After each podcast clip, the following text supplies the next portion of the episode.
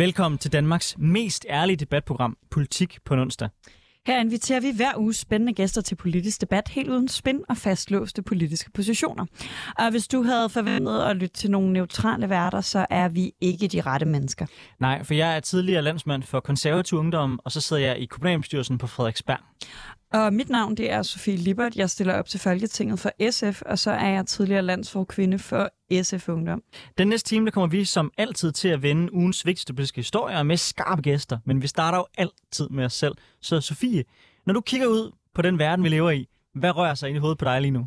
Jamen, i øh, sidste uge gang, der fik jeg en øh, besked på Instagram fra en ung pige, øh, eller kvinde, som øh, bad mig dele et øh, ret forfærdeligt billede af en ung kvinde fra Iran, der var blevet øh, tævet øh, og tortureret af det iranske moralpoliti, fordi hun havde... Øh, båret sin hijab forkert, øh, og derfor nu lå på hospitalet. Øhm, og der gik sådan lige et par dage, hvor jeg, eller det var om lørdagen, hun sendte det her, øhm, og jeg var sådan, uh ja, hvordan deler man lige det her, hvordan tager man øh, den interessante øh, politiske vinkel på det, og så øh, her i øh, forgårs kom det så frem, at øh, at hun nu er død af sine kvæstelser. Øhm, og, øh, og det rører mig enormt meget, øh, når der findes steder i verden, hvor det at være kvinde er noget, man kan dø af, øh, fordi man alene er kvinde, og, og måske ikke lige lever 100% op til den måde, nogle andre har besluttet, man skal være kvinde på. Øh, men hvis man skal sådan tage den lille smule, øh, finde lyset i mørket, så er det, at der er sådan en nærmest George, George Floyd-agtig stemning over det her. Øh, der er kæmpe store demonstrationer i Iran lige nu, og, og klart en stemning af, at, at det her det var over grænsen, at den her øh, 22-årige kvinde, hun simpelthen skulle tæves ihjel alene, fordi altså, hun havde vel at mærke hijab på, den sad bare ikke helt så tight, som, som det iranske moralpoliti gerne øh, ville have den gjorde. Øh, så, så ud af tragedien vokser forhåbentlig øh, politisk forandring. Jeg vil ønske, at jeg kunne være så optimistisk, øh, men jeg synes bare, at jeg så mange gange har fulgt med i Irans politik, og så kunne se, at hver gang der har været folkelig opstande, så er det på magisk vis altid lykkes styret at slå øh, det ned igen. Altså, jeg kan huske, at folk gik på gaden, jeg mener, det var i, måske var det 13, hvor der også var ret store opstande.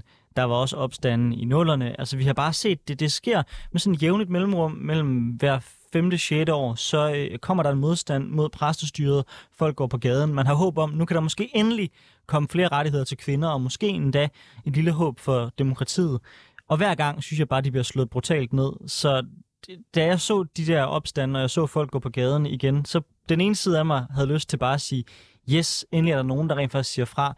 Men den anden side af mig siger bare, jeg synes godt nok, jeg har set den her historie så mange gange. Forhåbentlig ender den ikke ligesom den har gjort alle de andre gange.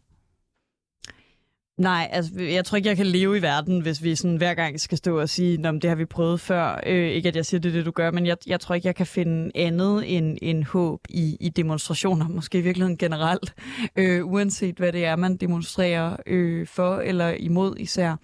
Øh, men, men jeg tror også bare, jeg tror, det er, er vigtigt, øh, måske også ud fra sådan en, en, en, altså om de her, det skaber den store revolution i Iran, det ved jeg heller ikke. Men jeg tror også, der er en eller anden pointe i, at vi også fra vestens side skal, skal have øjnene ordentligt op for de her ting. Og, og altså ligesom når vi snakker om, hvordan vi samarbejder med Kina og, og Rusland og alle mulige andre forfærdelige stater, skal have det med diplomatisk, at, at Iran... Øh, at Iran i så høj grad er, er et helt forfærdeligt styre. Mm. Men det er jo et styre, der er ret kraftigt sanktioneret øh, af... Betydeligt mere end, end, end især Kina, ja. ja. Nå, vi får besøg af tre gæster lige om lidt. Jeg skal bare lige høre dig, inden de kommer ind, øh, hvad øh, du har lagt mærke til. Noget jeg ved, som både du og jeg har lagt mærke til i den her uge, det er jo øh, regeringens øh, rigtig fine pressemøde, hvor de stillede sig op øh, i en flyhangar foran fly, og så øh, annoncerede deres øh, nye bud på, hvordan vi gør øh, flytransporten markant mere grøn. Og det, der ligesom var øh, hovedforslaget, det var en grøn indrigsrute, og så at man vil lave en passagerafgift på hele 13 kroner hver gang du stiger op i et fly, øh, for at sikre, at der er finansiering til at gøre flybranchen grøn. Altså, der er ret mange ting at tage fat på i det spørgsmål, så jeg ved ikke, om jeg kan nå det hele på de her få minutter, vi nu, vi nu engang har. Men altså, for det første, 13 kroner, det rykker jo ingenting overhovedet. Altså, det er jo primært bare symbol, så man kommer tæt på en valgkamp, og man gerne vil signalere, at man er lidt grønt. 13 kroner rykker ikke. Hvis du rent faktisk gerne vil lave en forandring i forhold til, hvad folk de forbruger, og hvordan folk transporterer sig, så rykker 13 kroner ikke en skid. Særligt ikke, når, når øh, flytransport i forvejen er så billigt i forhold til mange andre transportformer. Men min, mit primære issue er sådan set, at vi overhovedet taler passagerafgifter, frem for rent faktisk at snakke om afgifter der, hvor det giver mening, nemlig på brændstoffet. For det er jo ikke det faktum, at jeg sidder i et fly, som gør, at det er skadeligt for, for en klimaet. Det er det faktum, at vi brænder en masse flybrændstof af. Modargumentet mod at lægge en afgift der, det er, at EU muligvis måske, måske ikke, synes, at det er øh, øh, på kant med de regler, der er for, øh, hvad, man, hvad man må inden for EU-samarbejdet. Men jeg forstår ikke, hvorfor, at når vi ofte er så klar til at afprøve grænserne på mange andre områder, hvorfor vi så ikke gør det her. Altså, det kunne være et klassisk eksempel, synes jeg, på at Danmark siger, ved du hvad, vi vil gerne have afgiften på flybrændstof, fordi så har flysektoren interesse i at blive grøn, så vi stadigvæk kan flyve, men det bare bliver mere bæredygtigt og så siger, mm, fint, hvis EU øh, gerne vil underkende det, så må EU jo underkende det. Det bliver bare en rigtig lorthistorie for EU, og jeg tror, at når alt kommer til alt, så vil parlamentet og mange andre lande komme os til undsætning der. For der er ikke særlig mange lande, der har lyst til at være til at sige, ja, det er os, der har blokeret for, at øh, flybranchen den kan blive grøn. Jeg, jeg er helt enig i, at det her er, er forrygt, og jeg synes, det er fuldstændig vanvittigt, at man, man i ramme alvor går ud og siger 13 kroner, øhm, og også helt enig i, at det optimalt set skulle være noget, der afspejlede klimabelastningen meget mere, altså for eksempel på brændstof, øh, altså noget, der minder mere om CO2-afgift på fly i virkeligheden. Øh, I dag er øh, Danmark jo sammen med Kypern, Malta og Irland de eneste i EU, der ikke har en flyskat, så jeg tror også, sådan, at der er nogen, der har følt sig lidt bagud her, så de er gået med 13 kroner hvilket jo, som du siger, er et fuldstændig absurd beløb. Altså 13 kroner er jo på det niveau, hvor det ikke betyder noget for nogen.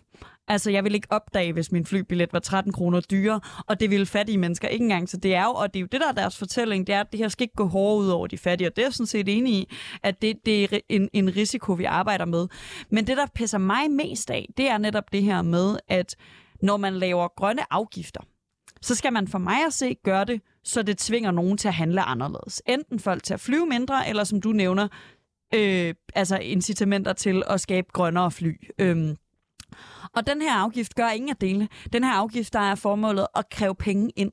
Og det er fuldstændig det samme, der sker, når vi snakker om, at afgiften på cigaretter ikke må være for høj, fordi så bliver det for dyrt, fordi så holder folk op med at ryge. Det er fuldstændig vanvittigt. Hvis man vil arbejde med afgifter, så skal der jo være, så er det jo fordi, man vil adfærdsregulere. Det giver jo ikke mening bare at bruge afgifter til at kræve penge ind til staten. Det har vi alle mulige andre sådan fine skatteregler til og sådan noget. Det er fint. Det er vanvittigt at arbejde med afgifter på den måde. Præcis. Øh, og, og hvis man synes, at det er fordi, at det er for voldsomt at, at gøre det hele på, på, på, på én gang, så kunne man jo i stedet for have sagt, okay, vi starter med 13 kroner, og så giver vi et prisvarsel, hvor vi gradvist sætter den op, fordi så sender man en signal, hvis det var på brændstoffet, til at flybranchen rent faktisk omstiller sig.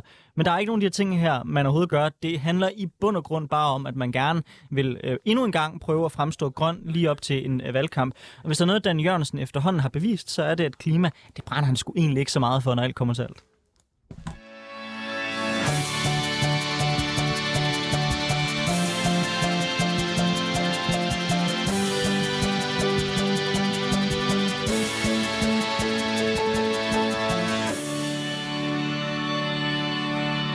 Du lytter til Politik på en onsdag med Anders Storgård og Sofie Lippert. Vi er så småt ved at få gæster ind i studiet og få alle kaffekopperne til at stå de rigtige steder. Mens de lige kommer på plads, så kan jeg jo minde dig om, kære lytter, at du også kan være med i debatten her. Det kan du gøre ved at downloade 24-7-appen, og så kan du finde pod, øh, podcasten Politik på en onsdag. Derinde der er der et rigtig fint lille pink chat-ikon oppe i højre hjørne, hvor man kan skrive, hvis man har spørgsmål til vores gæster.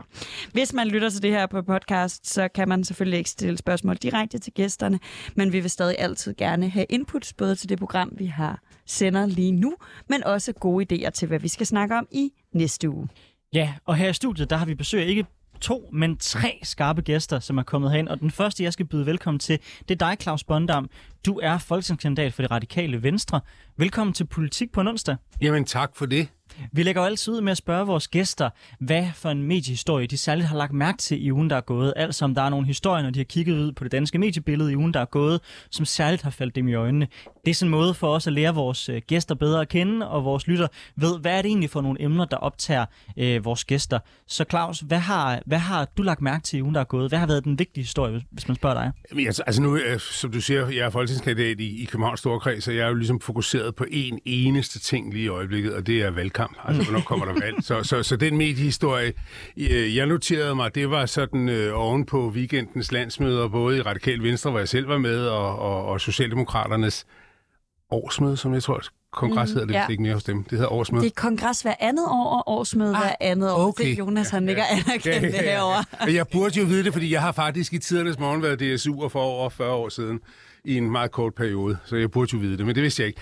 Men, men, øh, men der kan man jo i hvert fald øh, notere sig, at der er enormt meget øh, sådan spilfægteri om ord om øh, øh, et øh, Rwanda-lejr, eller modtagecenter, EU-løsning, eller danske løsninger, eller øh, op i træ og ned af det igen, og så videre, og så videre. Ikke? Og der er jeg nok, altså jeg er 58 år og relativt øh, øh, øh, sådan pragmatisk i min tilgang til tingene, og ved jo også, fra min fortid på Københavns Rådhus, at øh, når fronterne er trukket skarpt op, så har det jo heldigvis også med at lande igen på den anden side. Og det er jeg da helt fortrøstningsfuld med, øh, at, øh, at, at, at det kommer der også til i, i den her forbindelse. Så det er nok den historie, jeg har lagt mærke til. Og så sidder jeg bare, kom nu med det valg, altså. Jeg får sådan lyst til at spørge, jeg ved slet ikke, om man må spørge en radikal om det, men hvordan har du det med hele sådan, den der trussel og den her underlige stemning, hvor vi alle sammen går og er sådan, kommer det i næste uge, eller skal vi have et mistillidsvotum, eller sådan, fordi Jamen, altså, jeg, jeg, jeg, jeg, jeg, jeg mig synes, det er lidt træls. Ja, hvis jeg men det kan jeg da godt forstå, fordi, fordi vi oplever som borgere, og nu snakker jeg ikke som kandidat mere, vi oplever som borgere at være midt i en valgkamp, som ikke er. Præcis. Øh, jeg bryder mig sådan set ikke om ordet trussel, fordi det er ikke nogen trussel. Det er fuldstændig fair i politik at sige, øh, nu er vores grænse nået, øh, det fortæller vi dig højt øh, og tydeligt, og det sætter vi også en dato på. Man kan sige, at tidshorisonten var relativt øh, lang, og der er jo også løbet meget vand i åen siden da. Øh, men der er sådan set, altså i demokrati er der intet i vejen med at øh, afholde valg. Og jeg vil sige, jeg er jo også så gammel, så jeg husker jo de gamle Anker Jørgensen-regeringer, der varede 18 måneder, og 24 måneder, og 20 måneder og, og så videre. Altså, så det der med, at man per definition skal sidde fire år og føre regering, og at man tror, at alt falder fra hinanden, fordi der lige pludselig bliver udskrevet valg, det er, undskyld jeg siger det, en fuldstændig skrøne. Så i Radikal Venstre mener vi, der er, brug for at, ryste posen og skabe en ny retning for Danmark.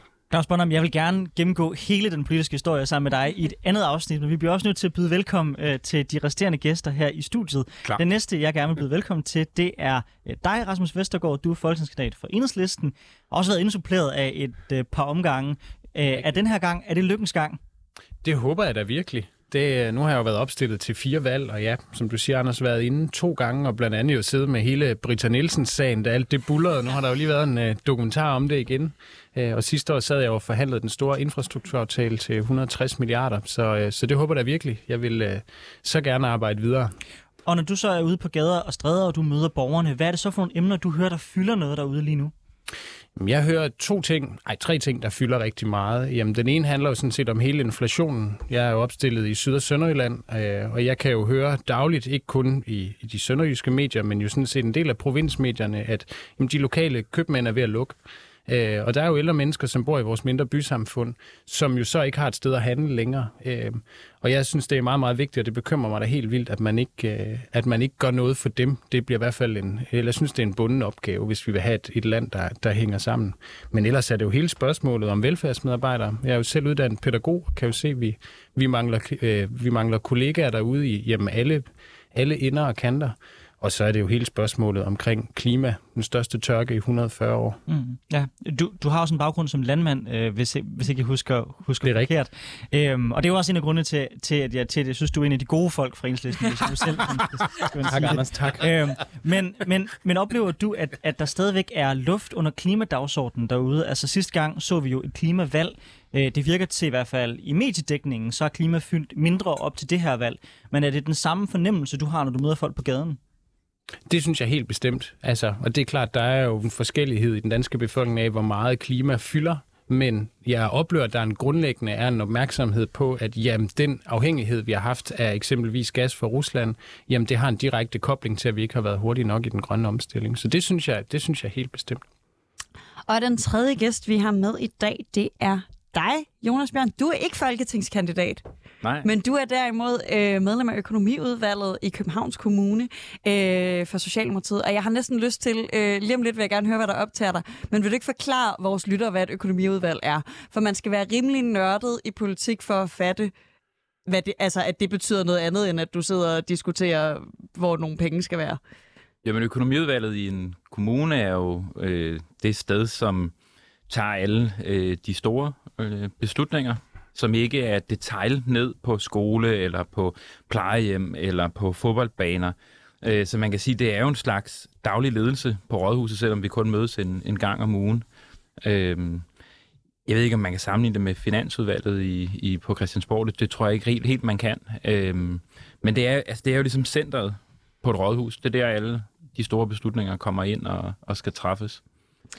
Yes, så, øh, så fik vi også lige sådan lidt public service omkring, hvad, hvad er et økonomiudvalg? Hvad har så optaget dig den uge, der er gået? Hvad fylder, når man øh, er inde på Københavns Rådhus lige nu? Jamen, jeg tror, at alle, der har fulgt bare en lille bitte smule med, ved, at vi jo har haft et ekstremt dramatisk øh, forløb omkring vores budgetforhandlinger. Øh, det plejer jo næsten at være sådan en kedelig rituel ting, hvor at, så bliver der indgået et forlig, og nogen er med, og nogen er ikke med, og der er nogle gode ting, og der er nogle ting, der ikke er der.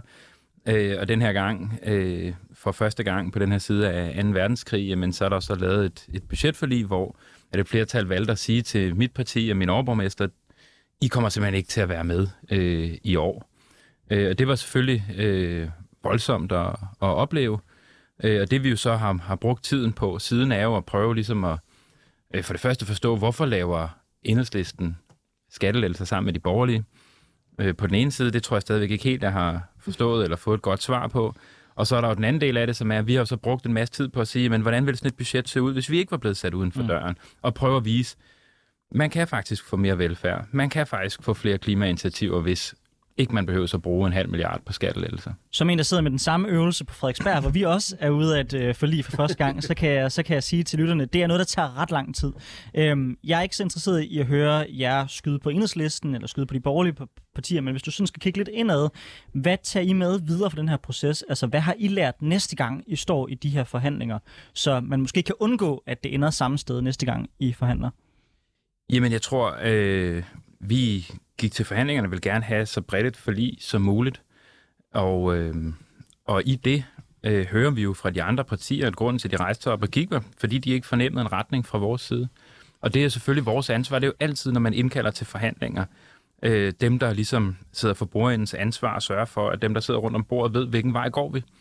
Øh, og der har øh, vi øh, tydeligvis været for fokuseret på det der med at sige, jamen, vi skal prøve at lave noget, som alle kan være i. Og det bliver jo nogle gange lidt retningsløst så, øh, fordi så kommer man lidt i alle retninger på samme tid.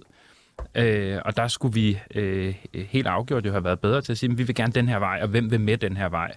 Øh, og så havde vi nok fundet flertal. Så øh, altså, jeg tror processuelt er der ikke så mange andre at skyde på end os selv. Altså, vi tabte nogle forhandlinger på gulvet, som vi selv havde indkaldt til. Øh, jeg synes bare, at det, der piner mig, er, at resultatet så er, at det ikke er blevet så godt, som det kunne have været blevet. Claus Bondam, Jonas Bjørn og Rasmus Vestergaard. Velkommen til Politik på onsdag. Nu går vi over til debatten.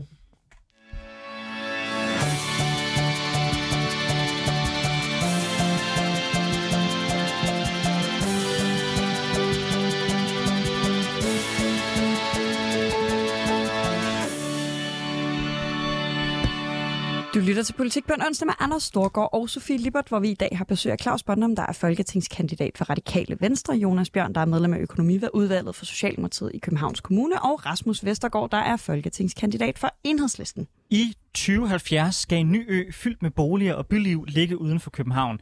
I hvert fald hvis det står til det nuværende politiske flertal, der bakker op om anlægget af en ø uden for Refsaløen ved navn Lynetteholmen. Ideen kommer fra den tidligere borgerlige regering, der i 2018 med Lars Lykke, der dengang var statsminister og medlem af Venstre, og Frank Jensen, der var socialdemokratisk overborgmester i København i spidsen, fremlagde de ambitiøse planer.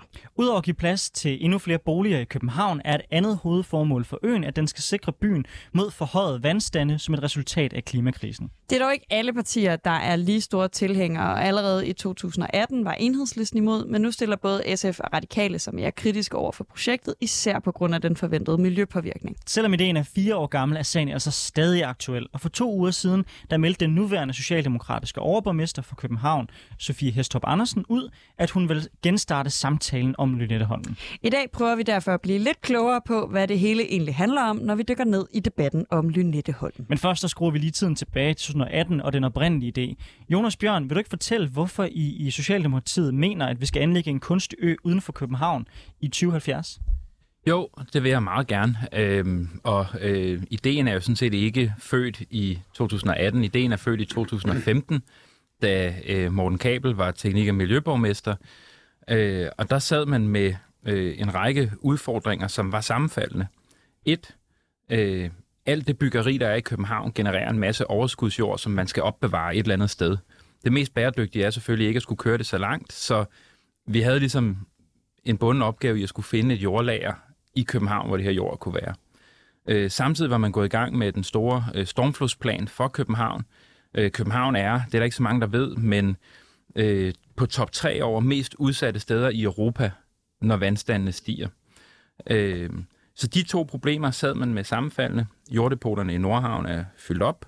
Øh, en stormflod truer med at skylle vores øh, gamle middelalderby øh, ud med, med badevandet. Og der tog et enigt øh, teknik- og miljøudvalg øh, en beslutning om, at det skulle man prøve at kigge på. Der var en række placeringer, øh, som der ligesom var i spil. Og øh, det mest oplagte var øh, placeringen ud for Refshaløen. Og dengang vedtog man, at men når man nu alligevel skulle kigge på jorddepot og stormflodssikring, så var det fornuftigt også at se på, om man kunne kigge på byudvikling ovenpå os, øh, så man kunne være med til også at løse det store problem, at der mangler boliger i København. Så det er ligesom den, den helt korte indflyvning, og det er jo baggrunden for, at øh, regeringen og øh, Rådhuset i virkeligheden i flere år op til øh, pressemødet 2018 har snakket sammen om øh, at øh, etablere en ø som stormflodssikring, som jorddepot, og som en løsning på øh, boligproblemerne i København.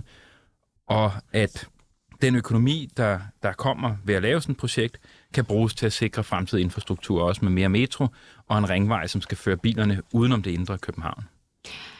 Både stormflodssikring og flere boliger, det er jo umiddelbart noget, som jeg forestiller mig, at de fleste af os synes er, er meget nice. Og øh, som Jonas han nævner, så øh, er det faktisk øh, sådan de første øh, idéer til det her taget under en enhedslisten borgmester, altså øh, fordi det i København hedder borgmestre for hver ressortområde.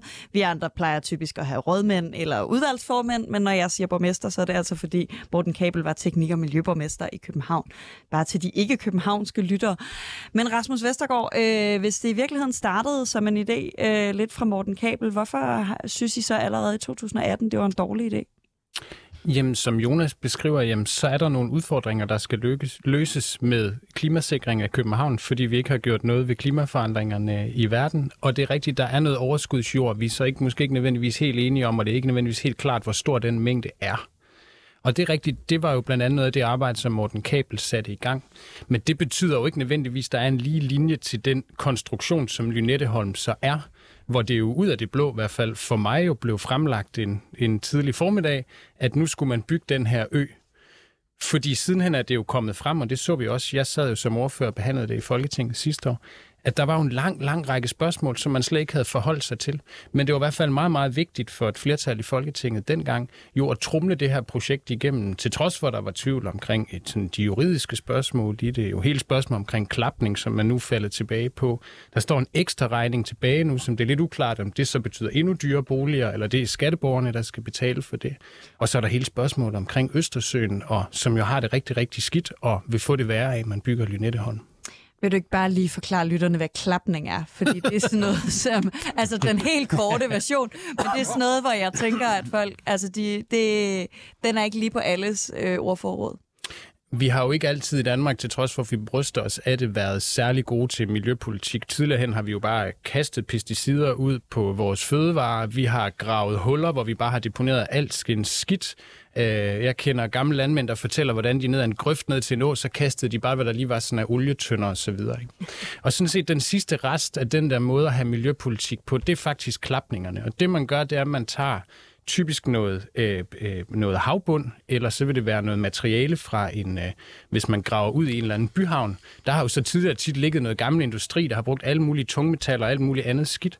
Så graver man det op, putter det på et skib, og det, som den der klap handler om, det er, så kører, sejler man jo et skib ud et eller andet sted, eksempelvis Købugt, og så åbner man klappen. Og det kalder man så klapning. Og deraf klapning.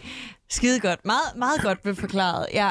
Øh, Claus Bondam, øh, nu begynder I radikale at stille jer kritisk over for det, men tilbage i 2018, der var I jo med, og I er stadig med i de aftaler her.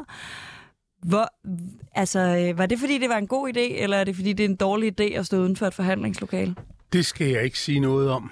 Øh, forstået på den måde, at øh, jeg er jo hverken medlem af borgerrepræsentationen, eller heller ikke medlem af Folketinget. Øh, men jeg kan i hvert fald se, og det har jeg sådan set kunne se lang tid det her forløb, og jeg har jo også en fortid som teknik- og miljøborgmester i København, så jeg kender jo også godt til det her øh, sagsområde.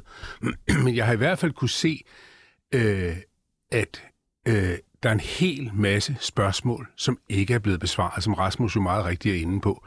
Og, øh, og med frygt for sådan at lyde radikalt bedreviden og så videre, men, men, men som 26-årig medlem af øh, Radikal Venstre, så har det sådan helt grundlæggende en af vores opgaver i politik, det er altid at stille alle de der også ubekvemme spørgsmål. Også spørgsmål, som måske skubber nogle vælgere fra os, men, men det er nu engang vores opgave.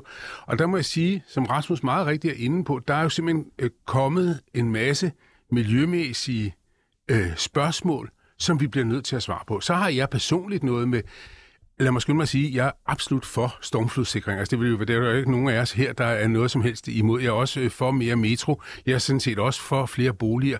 Jeg kunne bare godt tænke mig, at man anskuede det i et lidt bredere perspektiv. Altså, det står jo ikke i grundloven, at jord, som graves op i København, skal deponeres inden for Københavns Kommunes grænser. Det står sådan set ingen steder. Eller boliger i hovedstadsområdet partout skal bygges inden for Københavns Kommunes grænser. Så det der med at gå lidt bredere til det, og, og, og, og det er vigtigt at sige, vi har det nu med Lynetteholm. Lige om lidt kommer vi til at få det med omkring nede om de der øer ud, ud for videre og så videre. Altså, så vi er, vi er blot startet på det her. Så, så, så min kritik handler rigtig meget om en processuel og strukturel øh, kritik, som jeg heldigvis oplever mange radikale, også i vores partiledelse, sådan set anerkender, at, øh, og selve processen kommer vi også til at dykke mere ned i. Øhm, men sådan på et helt overordnet plan, er der en udfordring i det, vi nogle gange ser, når man laver de her kæmpe store, jeg tror, det er det beskrevet som et kinderæg, der kan løse mange af de udfordringer, det, ja. som man ligesom ja. står for. Ja, præcis. altså, øhm, er der et problem, når vi tror, at en enkelt løsning kan yeah. løse alt? Fordi jeg synes tit, når man ser de her megaprojekter, vi ligesom sætter, sætter, sætter i søen, og sætter man et, et eller andet langt ud i tal, så siger yeah. man, 2070 eller 2080 eller whatever, når, når vi ved, at vi ikke selv længere sidder øh, på de poster, som vi har, så er alt løst med den her magiske ting. Man ser den jo også lidt med øh, CO2-fangst, hvor man i København sagde 2025, mm. der kommer CO2-fangst, så er alt bliver løst, slut færdigt. Altså, er vi for dårlige som politikere til at falde i den der fælde, hvor man tror, at små, simple, store projekter, man ligesom kan tegne ud i fremtiden, de kan løse alle problemer, som jeg kan, jeg kan sagtens forstå, at de store partier nogle gange må og skal og kun kan kommunikere på den måde. Men der var en gang en rådgiver, det var faktisk mens jeg var borgmester, der sagde til mig, der var jo den der kæmpe sag om kløvermarken og bebyggelser på kløvermarken osv. Øh, det var en del af de der 5.000 boliger til 5.000 kroner osv. Og der kan jeg huske, at den her rådgiver sagde til mig, at det kommer altid til at gå galt for os øh, radikale, når vi går med på Socialdemokraternes megaplaner. og det, og det, det, det har vi jo gjort før. Altså, og, øh, og, og, og derfor kan man sige, jeg synes jo meget, at vores opgave er at bide dem i haserne og sige, hey, hey, hey, stop, stop, stop, stop. vi skal lige tænke os om en ekstra gang. Altså, er det, fordi det er vigtigt for mig at sige, at jeg er sådan set ikke i udgangspunktet imod Lynetteholmen, men der er bare, jeg oplever bare, at der er rigtig mange københavnere, som stiller sig rigtig mange spørgsmål omkring det her, og i øvrigt også en masse borgere ude i omegnskommunerne. Jonas Bjørn, er det fordi Socialdemokratiet bare er lidt for glade for de her store fix-it-all-løsninger? Nej, jeg troede bare, at vi var enige om, at vi altså, har en klimakrise, og den skal vi have løst, og det, her, det skal gå relativt hurtigt. Øh, fordi det er jo rigtigt, som Claus siger, der står ikke i grundloven, at vi skal bygge boliger i København, eller vi skal håndtere jorden inden for Københavns Kommunes grænser. Men, men virkeligheden er jo, at hvis ikke vi håndterer jorden inden for Københavns Kommunes grænser, jamen så skal den køre langt, langt, langt, langt ud på Sjælland, og så vil man bruge den til det, der hedder terrænregulering. Ikke? Det vil sige, så pøser man den oven på nogle steder, hvor at, øh, landskabet er ujævnt, så smadrer man en masse lokale biotoper. Det er den mulighed, man har. Så det, det er jo alternativet. Og så er der hele boligspørgsmålet. Og der må jeg bare sige, vi ved, at vi i Danmark de næste 15-20 år bliver 400.000 flere danskere. Det mest bæredygtige og klimamæssige, det vil være, hvis de alle sammen bosatte sig i København. Fordi når man bor i København, så bor man på mindre plads, man har ikke en bil, man forbruger mindre, man har ikke et kælderrum, man fylder op med øh, alle mulige ting, man ikke skal bruge til noget. Jonas, Folk, jeg bliver nødt til jeg bliver simpelthen nødt til at bryde, bryde, bryde ind her. Øh, den undersøgelse, du refererer til, den tager udgangspunkt i, at det er de, i den eksisterende boligmasse, man har. Så det er tanken om, hvis vi skal til at bo på nye steder, skal du til at bygge en hel masse nyt. Og det du netop gør med Lynetteholm, det er jo faktisk netop at begynde at lave et kæmpe stort anlægsprojekt. Og det er altså ikke korrekt, at det klimamæssigt er bedre. Det, det passer ikke. Alternativet til folk bosætter sig er jo, at man øh, bosætter de steder, hvor der jo også sker en ret stor arealudvikling. Hillerød for eksempel. Der laver man parcelhus på 200 kvadratmeter med dobbelt carport, så der kan være to SUV'er til, når børnene skal køres til fodbold. Det er bare en helt anden livsform, man har. Så der er ikke nogen tvivl om, det bedste, vi kan gøre for klimaet, det er at sørge for, at folk kan bo i København. Skal alle mennesker så bo i København? Nej, selvfølgelig ikke, fordi det er ikke alle, der har lyst til at bo i København, men vi står jo i den situation i dag, at flere mennesker vil bo i København, end der er plads til.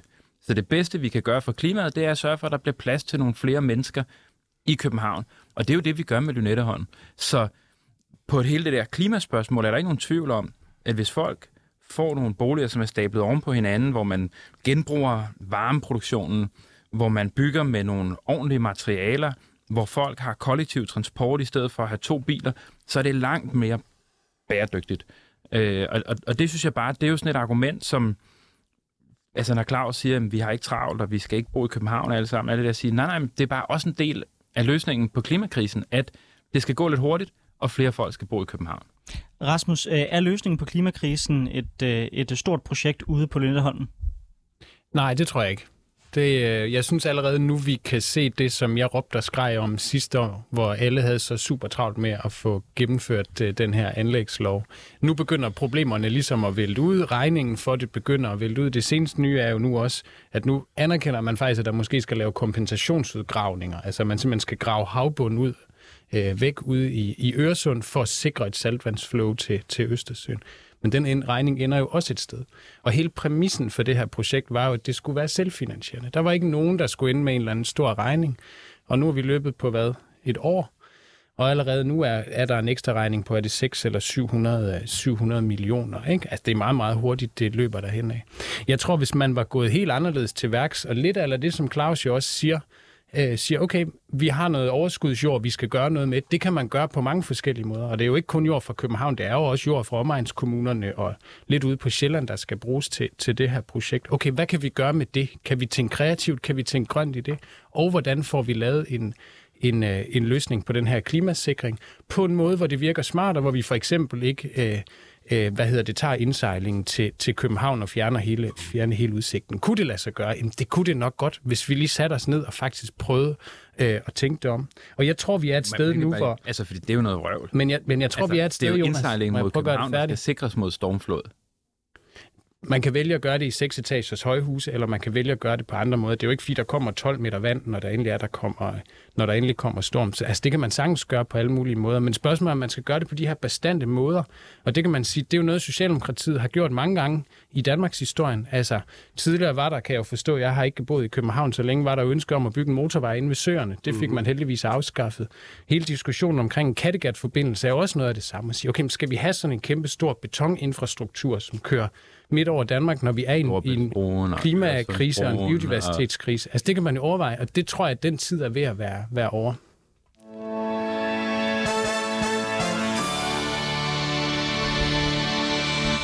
Du lytter til Politik på onsdag med Anders Storgård og Sofie Libert, hvor vi i dag har besøg af Claus Bondam, der er folketingskandidat for det radikale Venstre, Jonas Bjørn, der er medlem af økonomiudvalget for Socialdemokratiet i Københavns Kommune, og Rasmus Vestergaard, der er folketingskandidat for Enhedslisten. Kritikken af projektet har været massiv nærmest lige siden det blev lanceret. Kritikken har især handlet om, at forarbejdet og vurderingerne af miljøkonsekvenserne har været for overfladiske og utilstrækkelige. Kritikken er kommet fra eksperter, aktivister og vores svenske naboer. Øh, Der, det er især det faktum, at der dumpes slam i havet i forbindelse med etablering af øen, der kritiseres. Dette er man allerede begyndt på i forbindelse med arbejdet. I weekenden skrev du, Claus Bondum, sammen med en anden folketingskandidat for Radikale i politikken et indlæg om den dårlige proces, som du også har peget på her. Her skriver du blandt andet, at Lynetteholm bør sættes på pause, mens man laver grundigere undersøgelser og afsøger alternative modeller til, hvordan stormflodsikring, flere boliger og en udbygning af metroen også kunne være sket. Når man hører øh, Jonas øh, snak også tidligere, så bliver der jo netop fokuseret på det her med, at vi faktisk er presset på tid i forhold til at sikre, at at København øh, er sikret mod de stigende vandstande. Har vi så tid til yderligere proces? Ja, det mener jeg, vi har. Øh, fordi det mener jeg sådan set, at de reaktioner, som er meget kraftige i offentligheden, øh, øh, er et meget godt tegn og signal på. Jeg synes, det er vigtigt at notere sig, at rigtig meget af det her skete jo under pandemien. Altså, det skete jo under at vi var hjemme og sad og holdt teamsmøder osv. videre Og jeg tror også, at der var rigtig mange mennesker, som man kan sige, var bekymret over nogle andre ting, Øh, og nogle gange kan det også være svært man sige, at have overskud til noget, der ligger 30-70 år øh, ude i, i fremtiden. Så, så det er derfor, jeg har været ude at sige sammen med øh, Line Krolej, som er, er radikal folketingskandidat på Sjælland, øh, at sige, øh, hey, lad os nu lige få lidt mere offentlighed omkring øh, det her. Lad os få lidt øh, mere øh, sådan debat og diskussion om, det er de rigtige løsninger, som, som, som, som vi vælger til at gøre det her. Og lad mig skynde mig at sige, når man bliver ved med at snakke om København, så skal man huske på, at om 70 år, der tror jeg ikke, der er nogen, jo måske, der er, men der er mange af os, der ikke er om 70 år, men den afstand, der er fra den yderste spids af Lynetteholmen og ind til Rådhuspladsen er den samme afstand, som der er fra Rådhuspladsen og ud til Gladsaxe. Altså, det er bare lige for os at få de der proportioner med ind i det her. Det er sådan set ikke et Københavner-udfordring, vi snakker om. Det er en udfordring for hele hovedstadsregionen, og den skal vi løse i fællesskab. Og når du så kritiserer processen og ønsker, at der skal være en bedre proces, jamen processer kan jo lede frem til mange ting. Det kan lede frem til, at projektet bliver til noget. Det kan også lede frem til, at projektet ikke bliver til noget. Så vil du allerede nu sige, hvis nu den her proces viser, at der er for store udfordringer med Lynetteholmen, jamen har I overhovedet nogle alternative bud på, hvad der så skal ske? Øh, hvis, hvis jeg skulle råde Socialdemokraterne til noget, så var det måske netop at lytte lidt mere til det her. Ikke? Altså nu nævnte jeg Kløvermarken før, som jo endte med at blive fredet, og derfor blev det aldrig til noget, som også sådan skulle trumles igennem. Og jeg skal skynde mig at sige, at jeg var som radikal med i det, og var sådan set ked af, at vi endte der. Vi kan se det med, med, med hvad hedder det, øh, strandingen ude ved Ørestad, altså hvor man på en eller anden måde bliver immun over for det der. Og, og, og, og der i mine øjne og så nu har vi valgt Amager Fællet, og jeg skal sige, at jeg er positiv over for Amagerfældet, men, men, øh, men, men, men man, man må simpelthen lære i, i, i en moderne tid at tage de her indsigelser og usikkerheder og frustrationer alvorligt. Jonas Bjørn, har I simpelthen gravet jer dybt ned i skyttegraven på det her spørgsmål så meget, så selvom der er stor folkelig modstand, så er I ikke villige til at skifte holdning? Eller øh, er der en åbning nu, for I måske genovervejer den beslutning? Jeg synes, man skal skille tingene ad. Altså, fordi øh, nu står vi og snakker om 2070 og øh, seksetages huse, siger Rasmus og sådan noget. Altså, der er jo ikke besluttet, hvad der skal være på Lynetteholm. Det er klart, vi, vi har nogle ting, vi synes, der kunne være godt at lave. Øh, de andre partier, der er med i øh, forledet meget bred forligskreds, mm. har jo nogle ting, de synes, det er vigtigt at få med. SF snakker om bilfri by og Øh, konservative snakker nok lidt om en anden slags by, og, og, og, og, og, og sådan er det jo. Og, det, og, og den diskussion, synes jeg kunne være ekstremt interessant at tage, og, og, og den er vi bare aldrig rigtig kommet til, fordi det hele havner i for eller imod. Øh, og øh, vi har brugt nu øh, syv år fra, at vi første gang snakkede om, at man skulle lave et jordepot som stormflodssikring med byudvikling på, og til nu.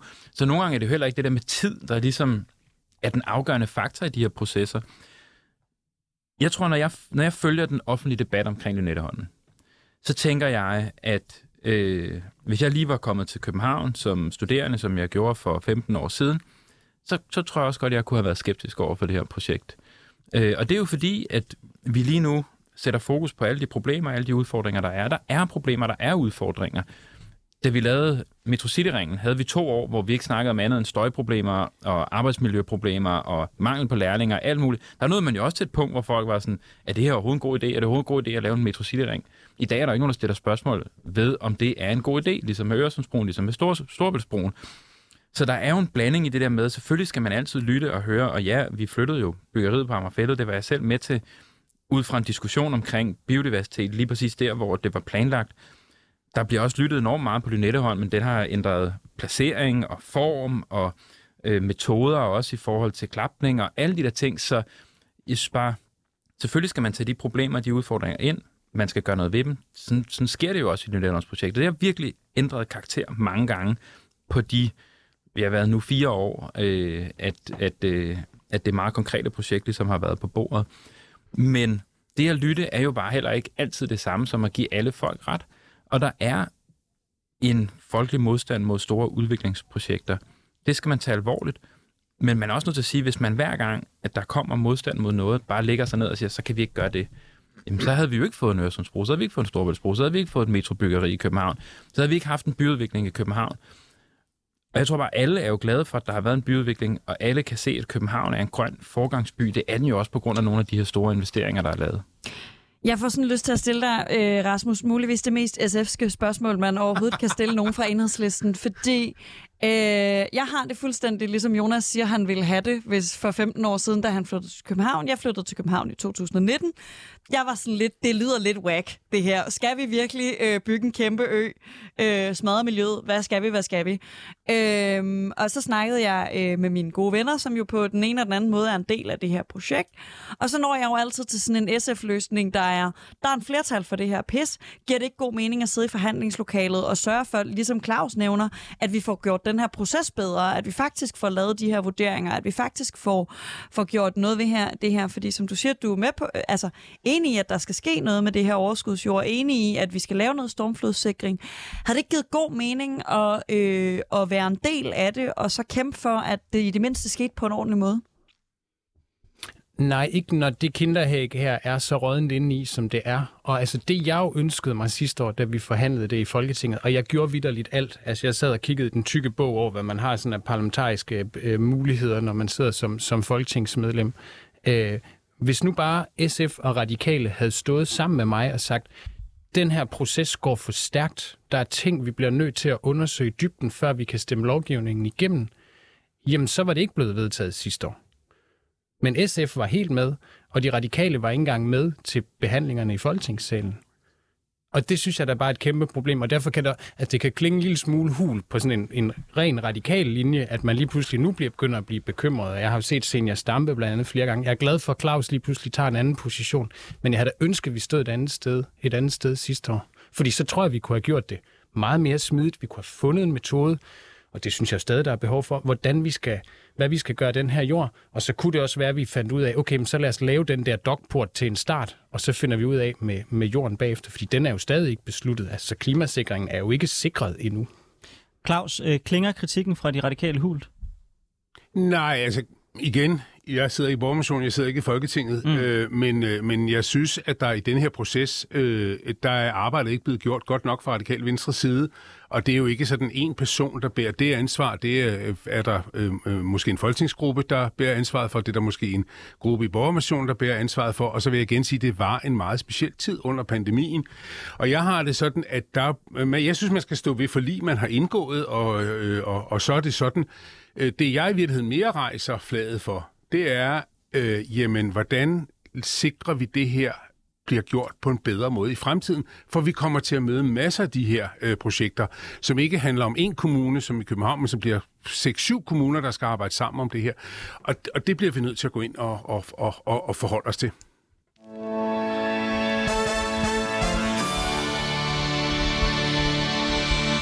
Du lytter til Politik på en onsdag med Anders Storgård og Sofie Lippert. Vi har i dag besøg af Claus Bondam, der er folketingskandidat for Radikale Venstre, Jonas Bjørn, der er medlem af økonomiudvalget for Socialdemokratiet i Københavns Kommune, og Rasmus Vestergaard, der er folketingskandidat for Enhedslisten. Som tidligere nævnt, der har den københavnske overborgmester Sofie Hestrup Andersen nu åbnet for mere dialog om projektet med borgerne. Det sker efter et kommunalvalg, hvor flere har peget på, at modstanden mod Lynetteholm var en af grundene til Enhedslistens store fremgang i København. Dialogen handler især om indretningen af øen, mere end om for og imod selve etableringen. Måske lidt i tråd med det, Jonas nævnte tidligere. Det startede sidste torsdag med et åbent værksted, og fortsætter torsdag i næste uge med et borgermøde. Rasmus, kan vi, øh, altså det er også sådan lidt, øh, nu, nu øh, kan, kan vi bruge det her til noget? Kan, det, kan den type borgerinddragelse omkring, altså kan, kan vi komme, er, er det fedt? Er vi glade for, at der trods alt bliver åbnet for mere dialog i København nu?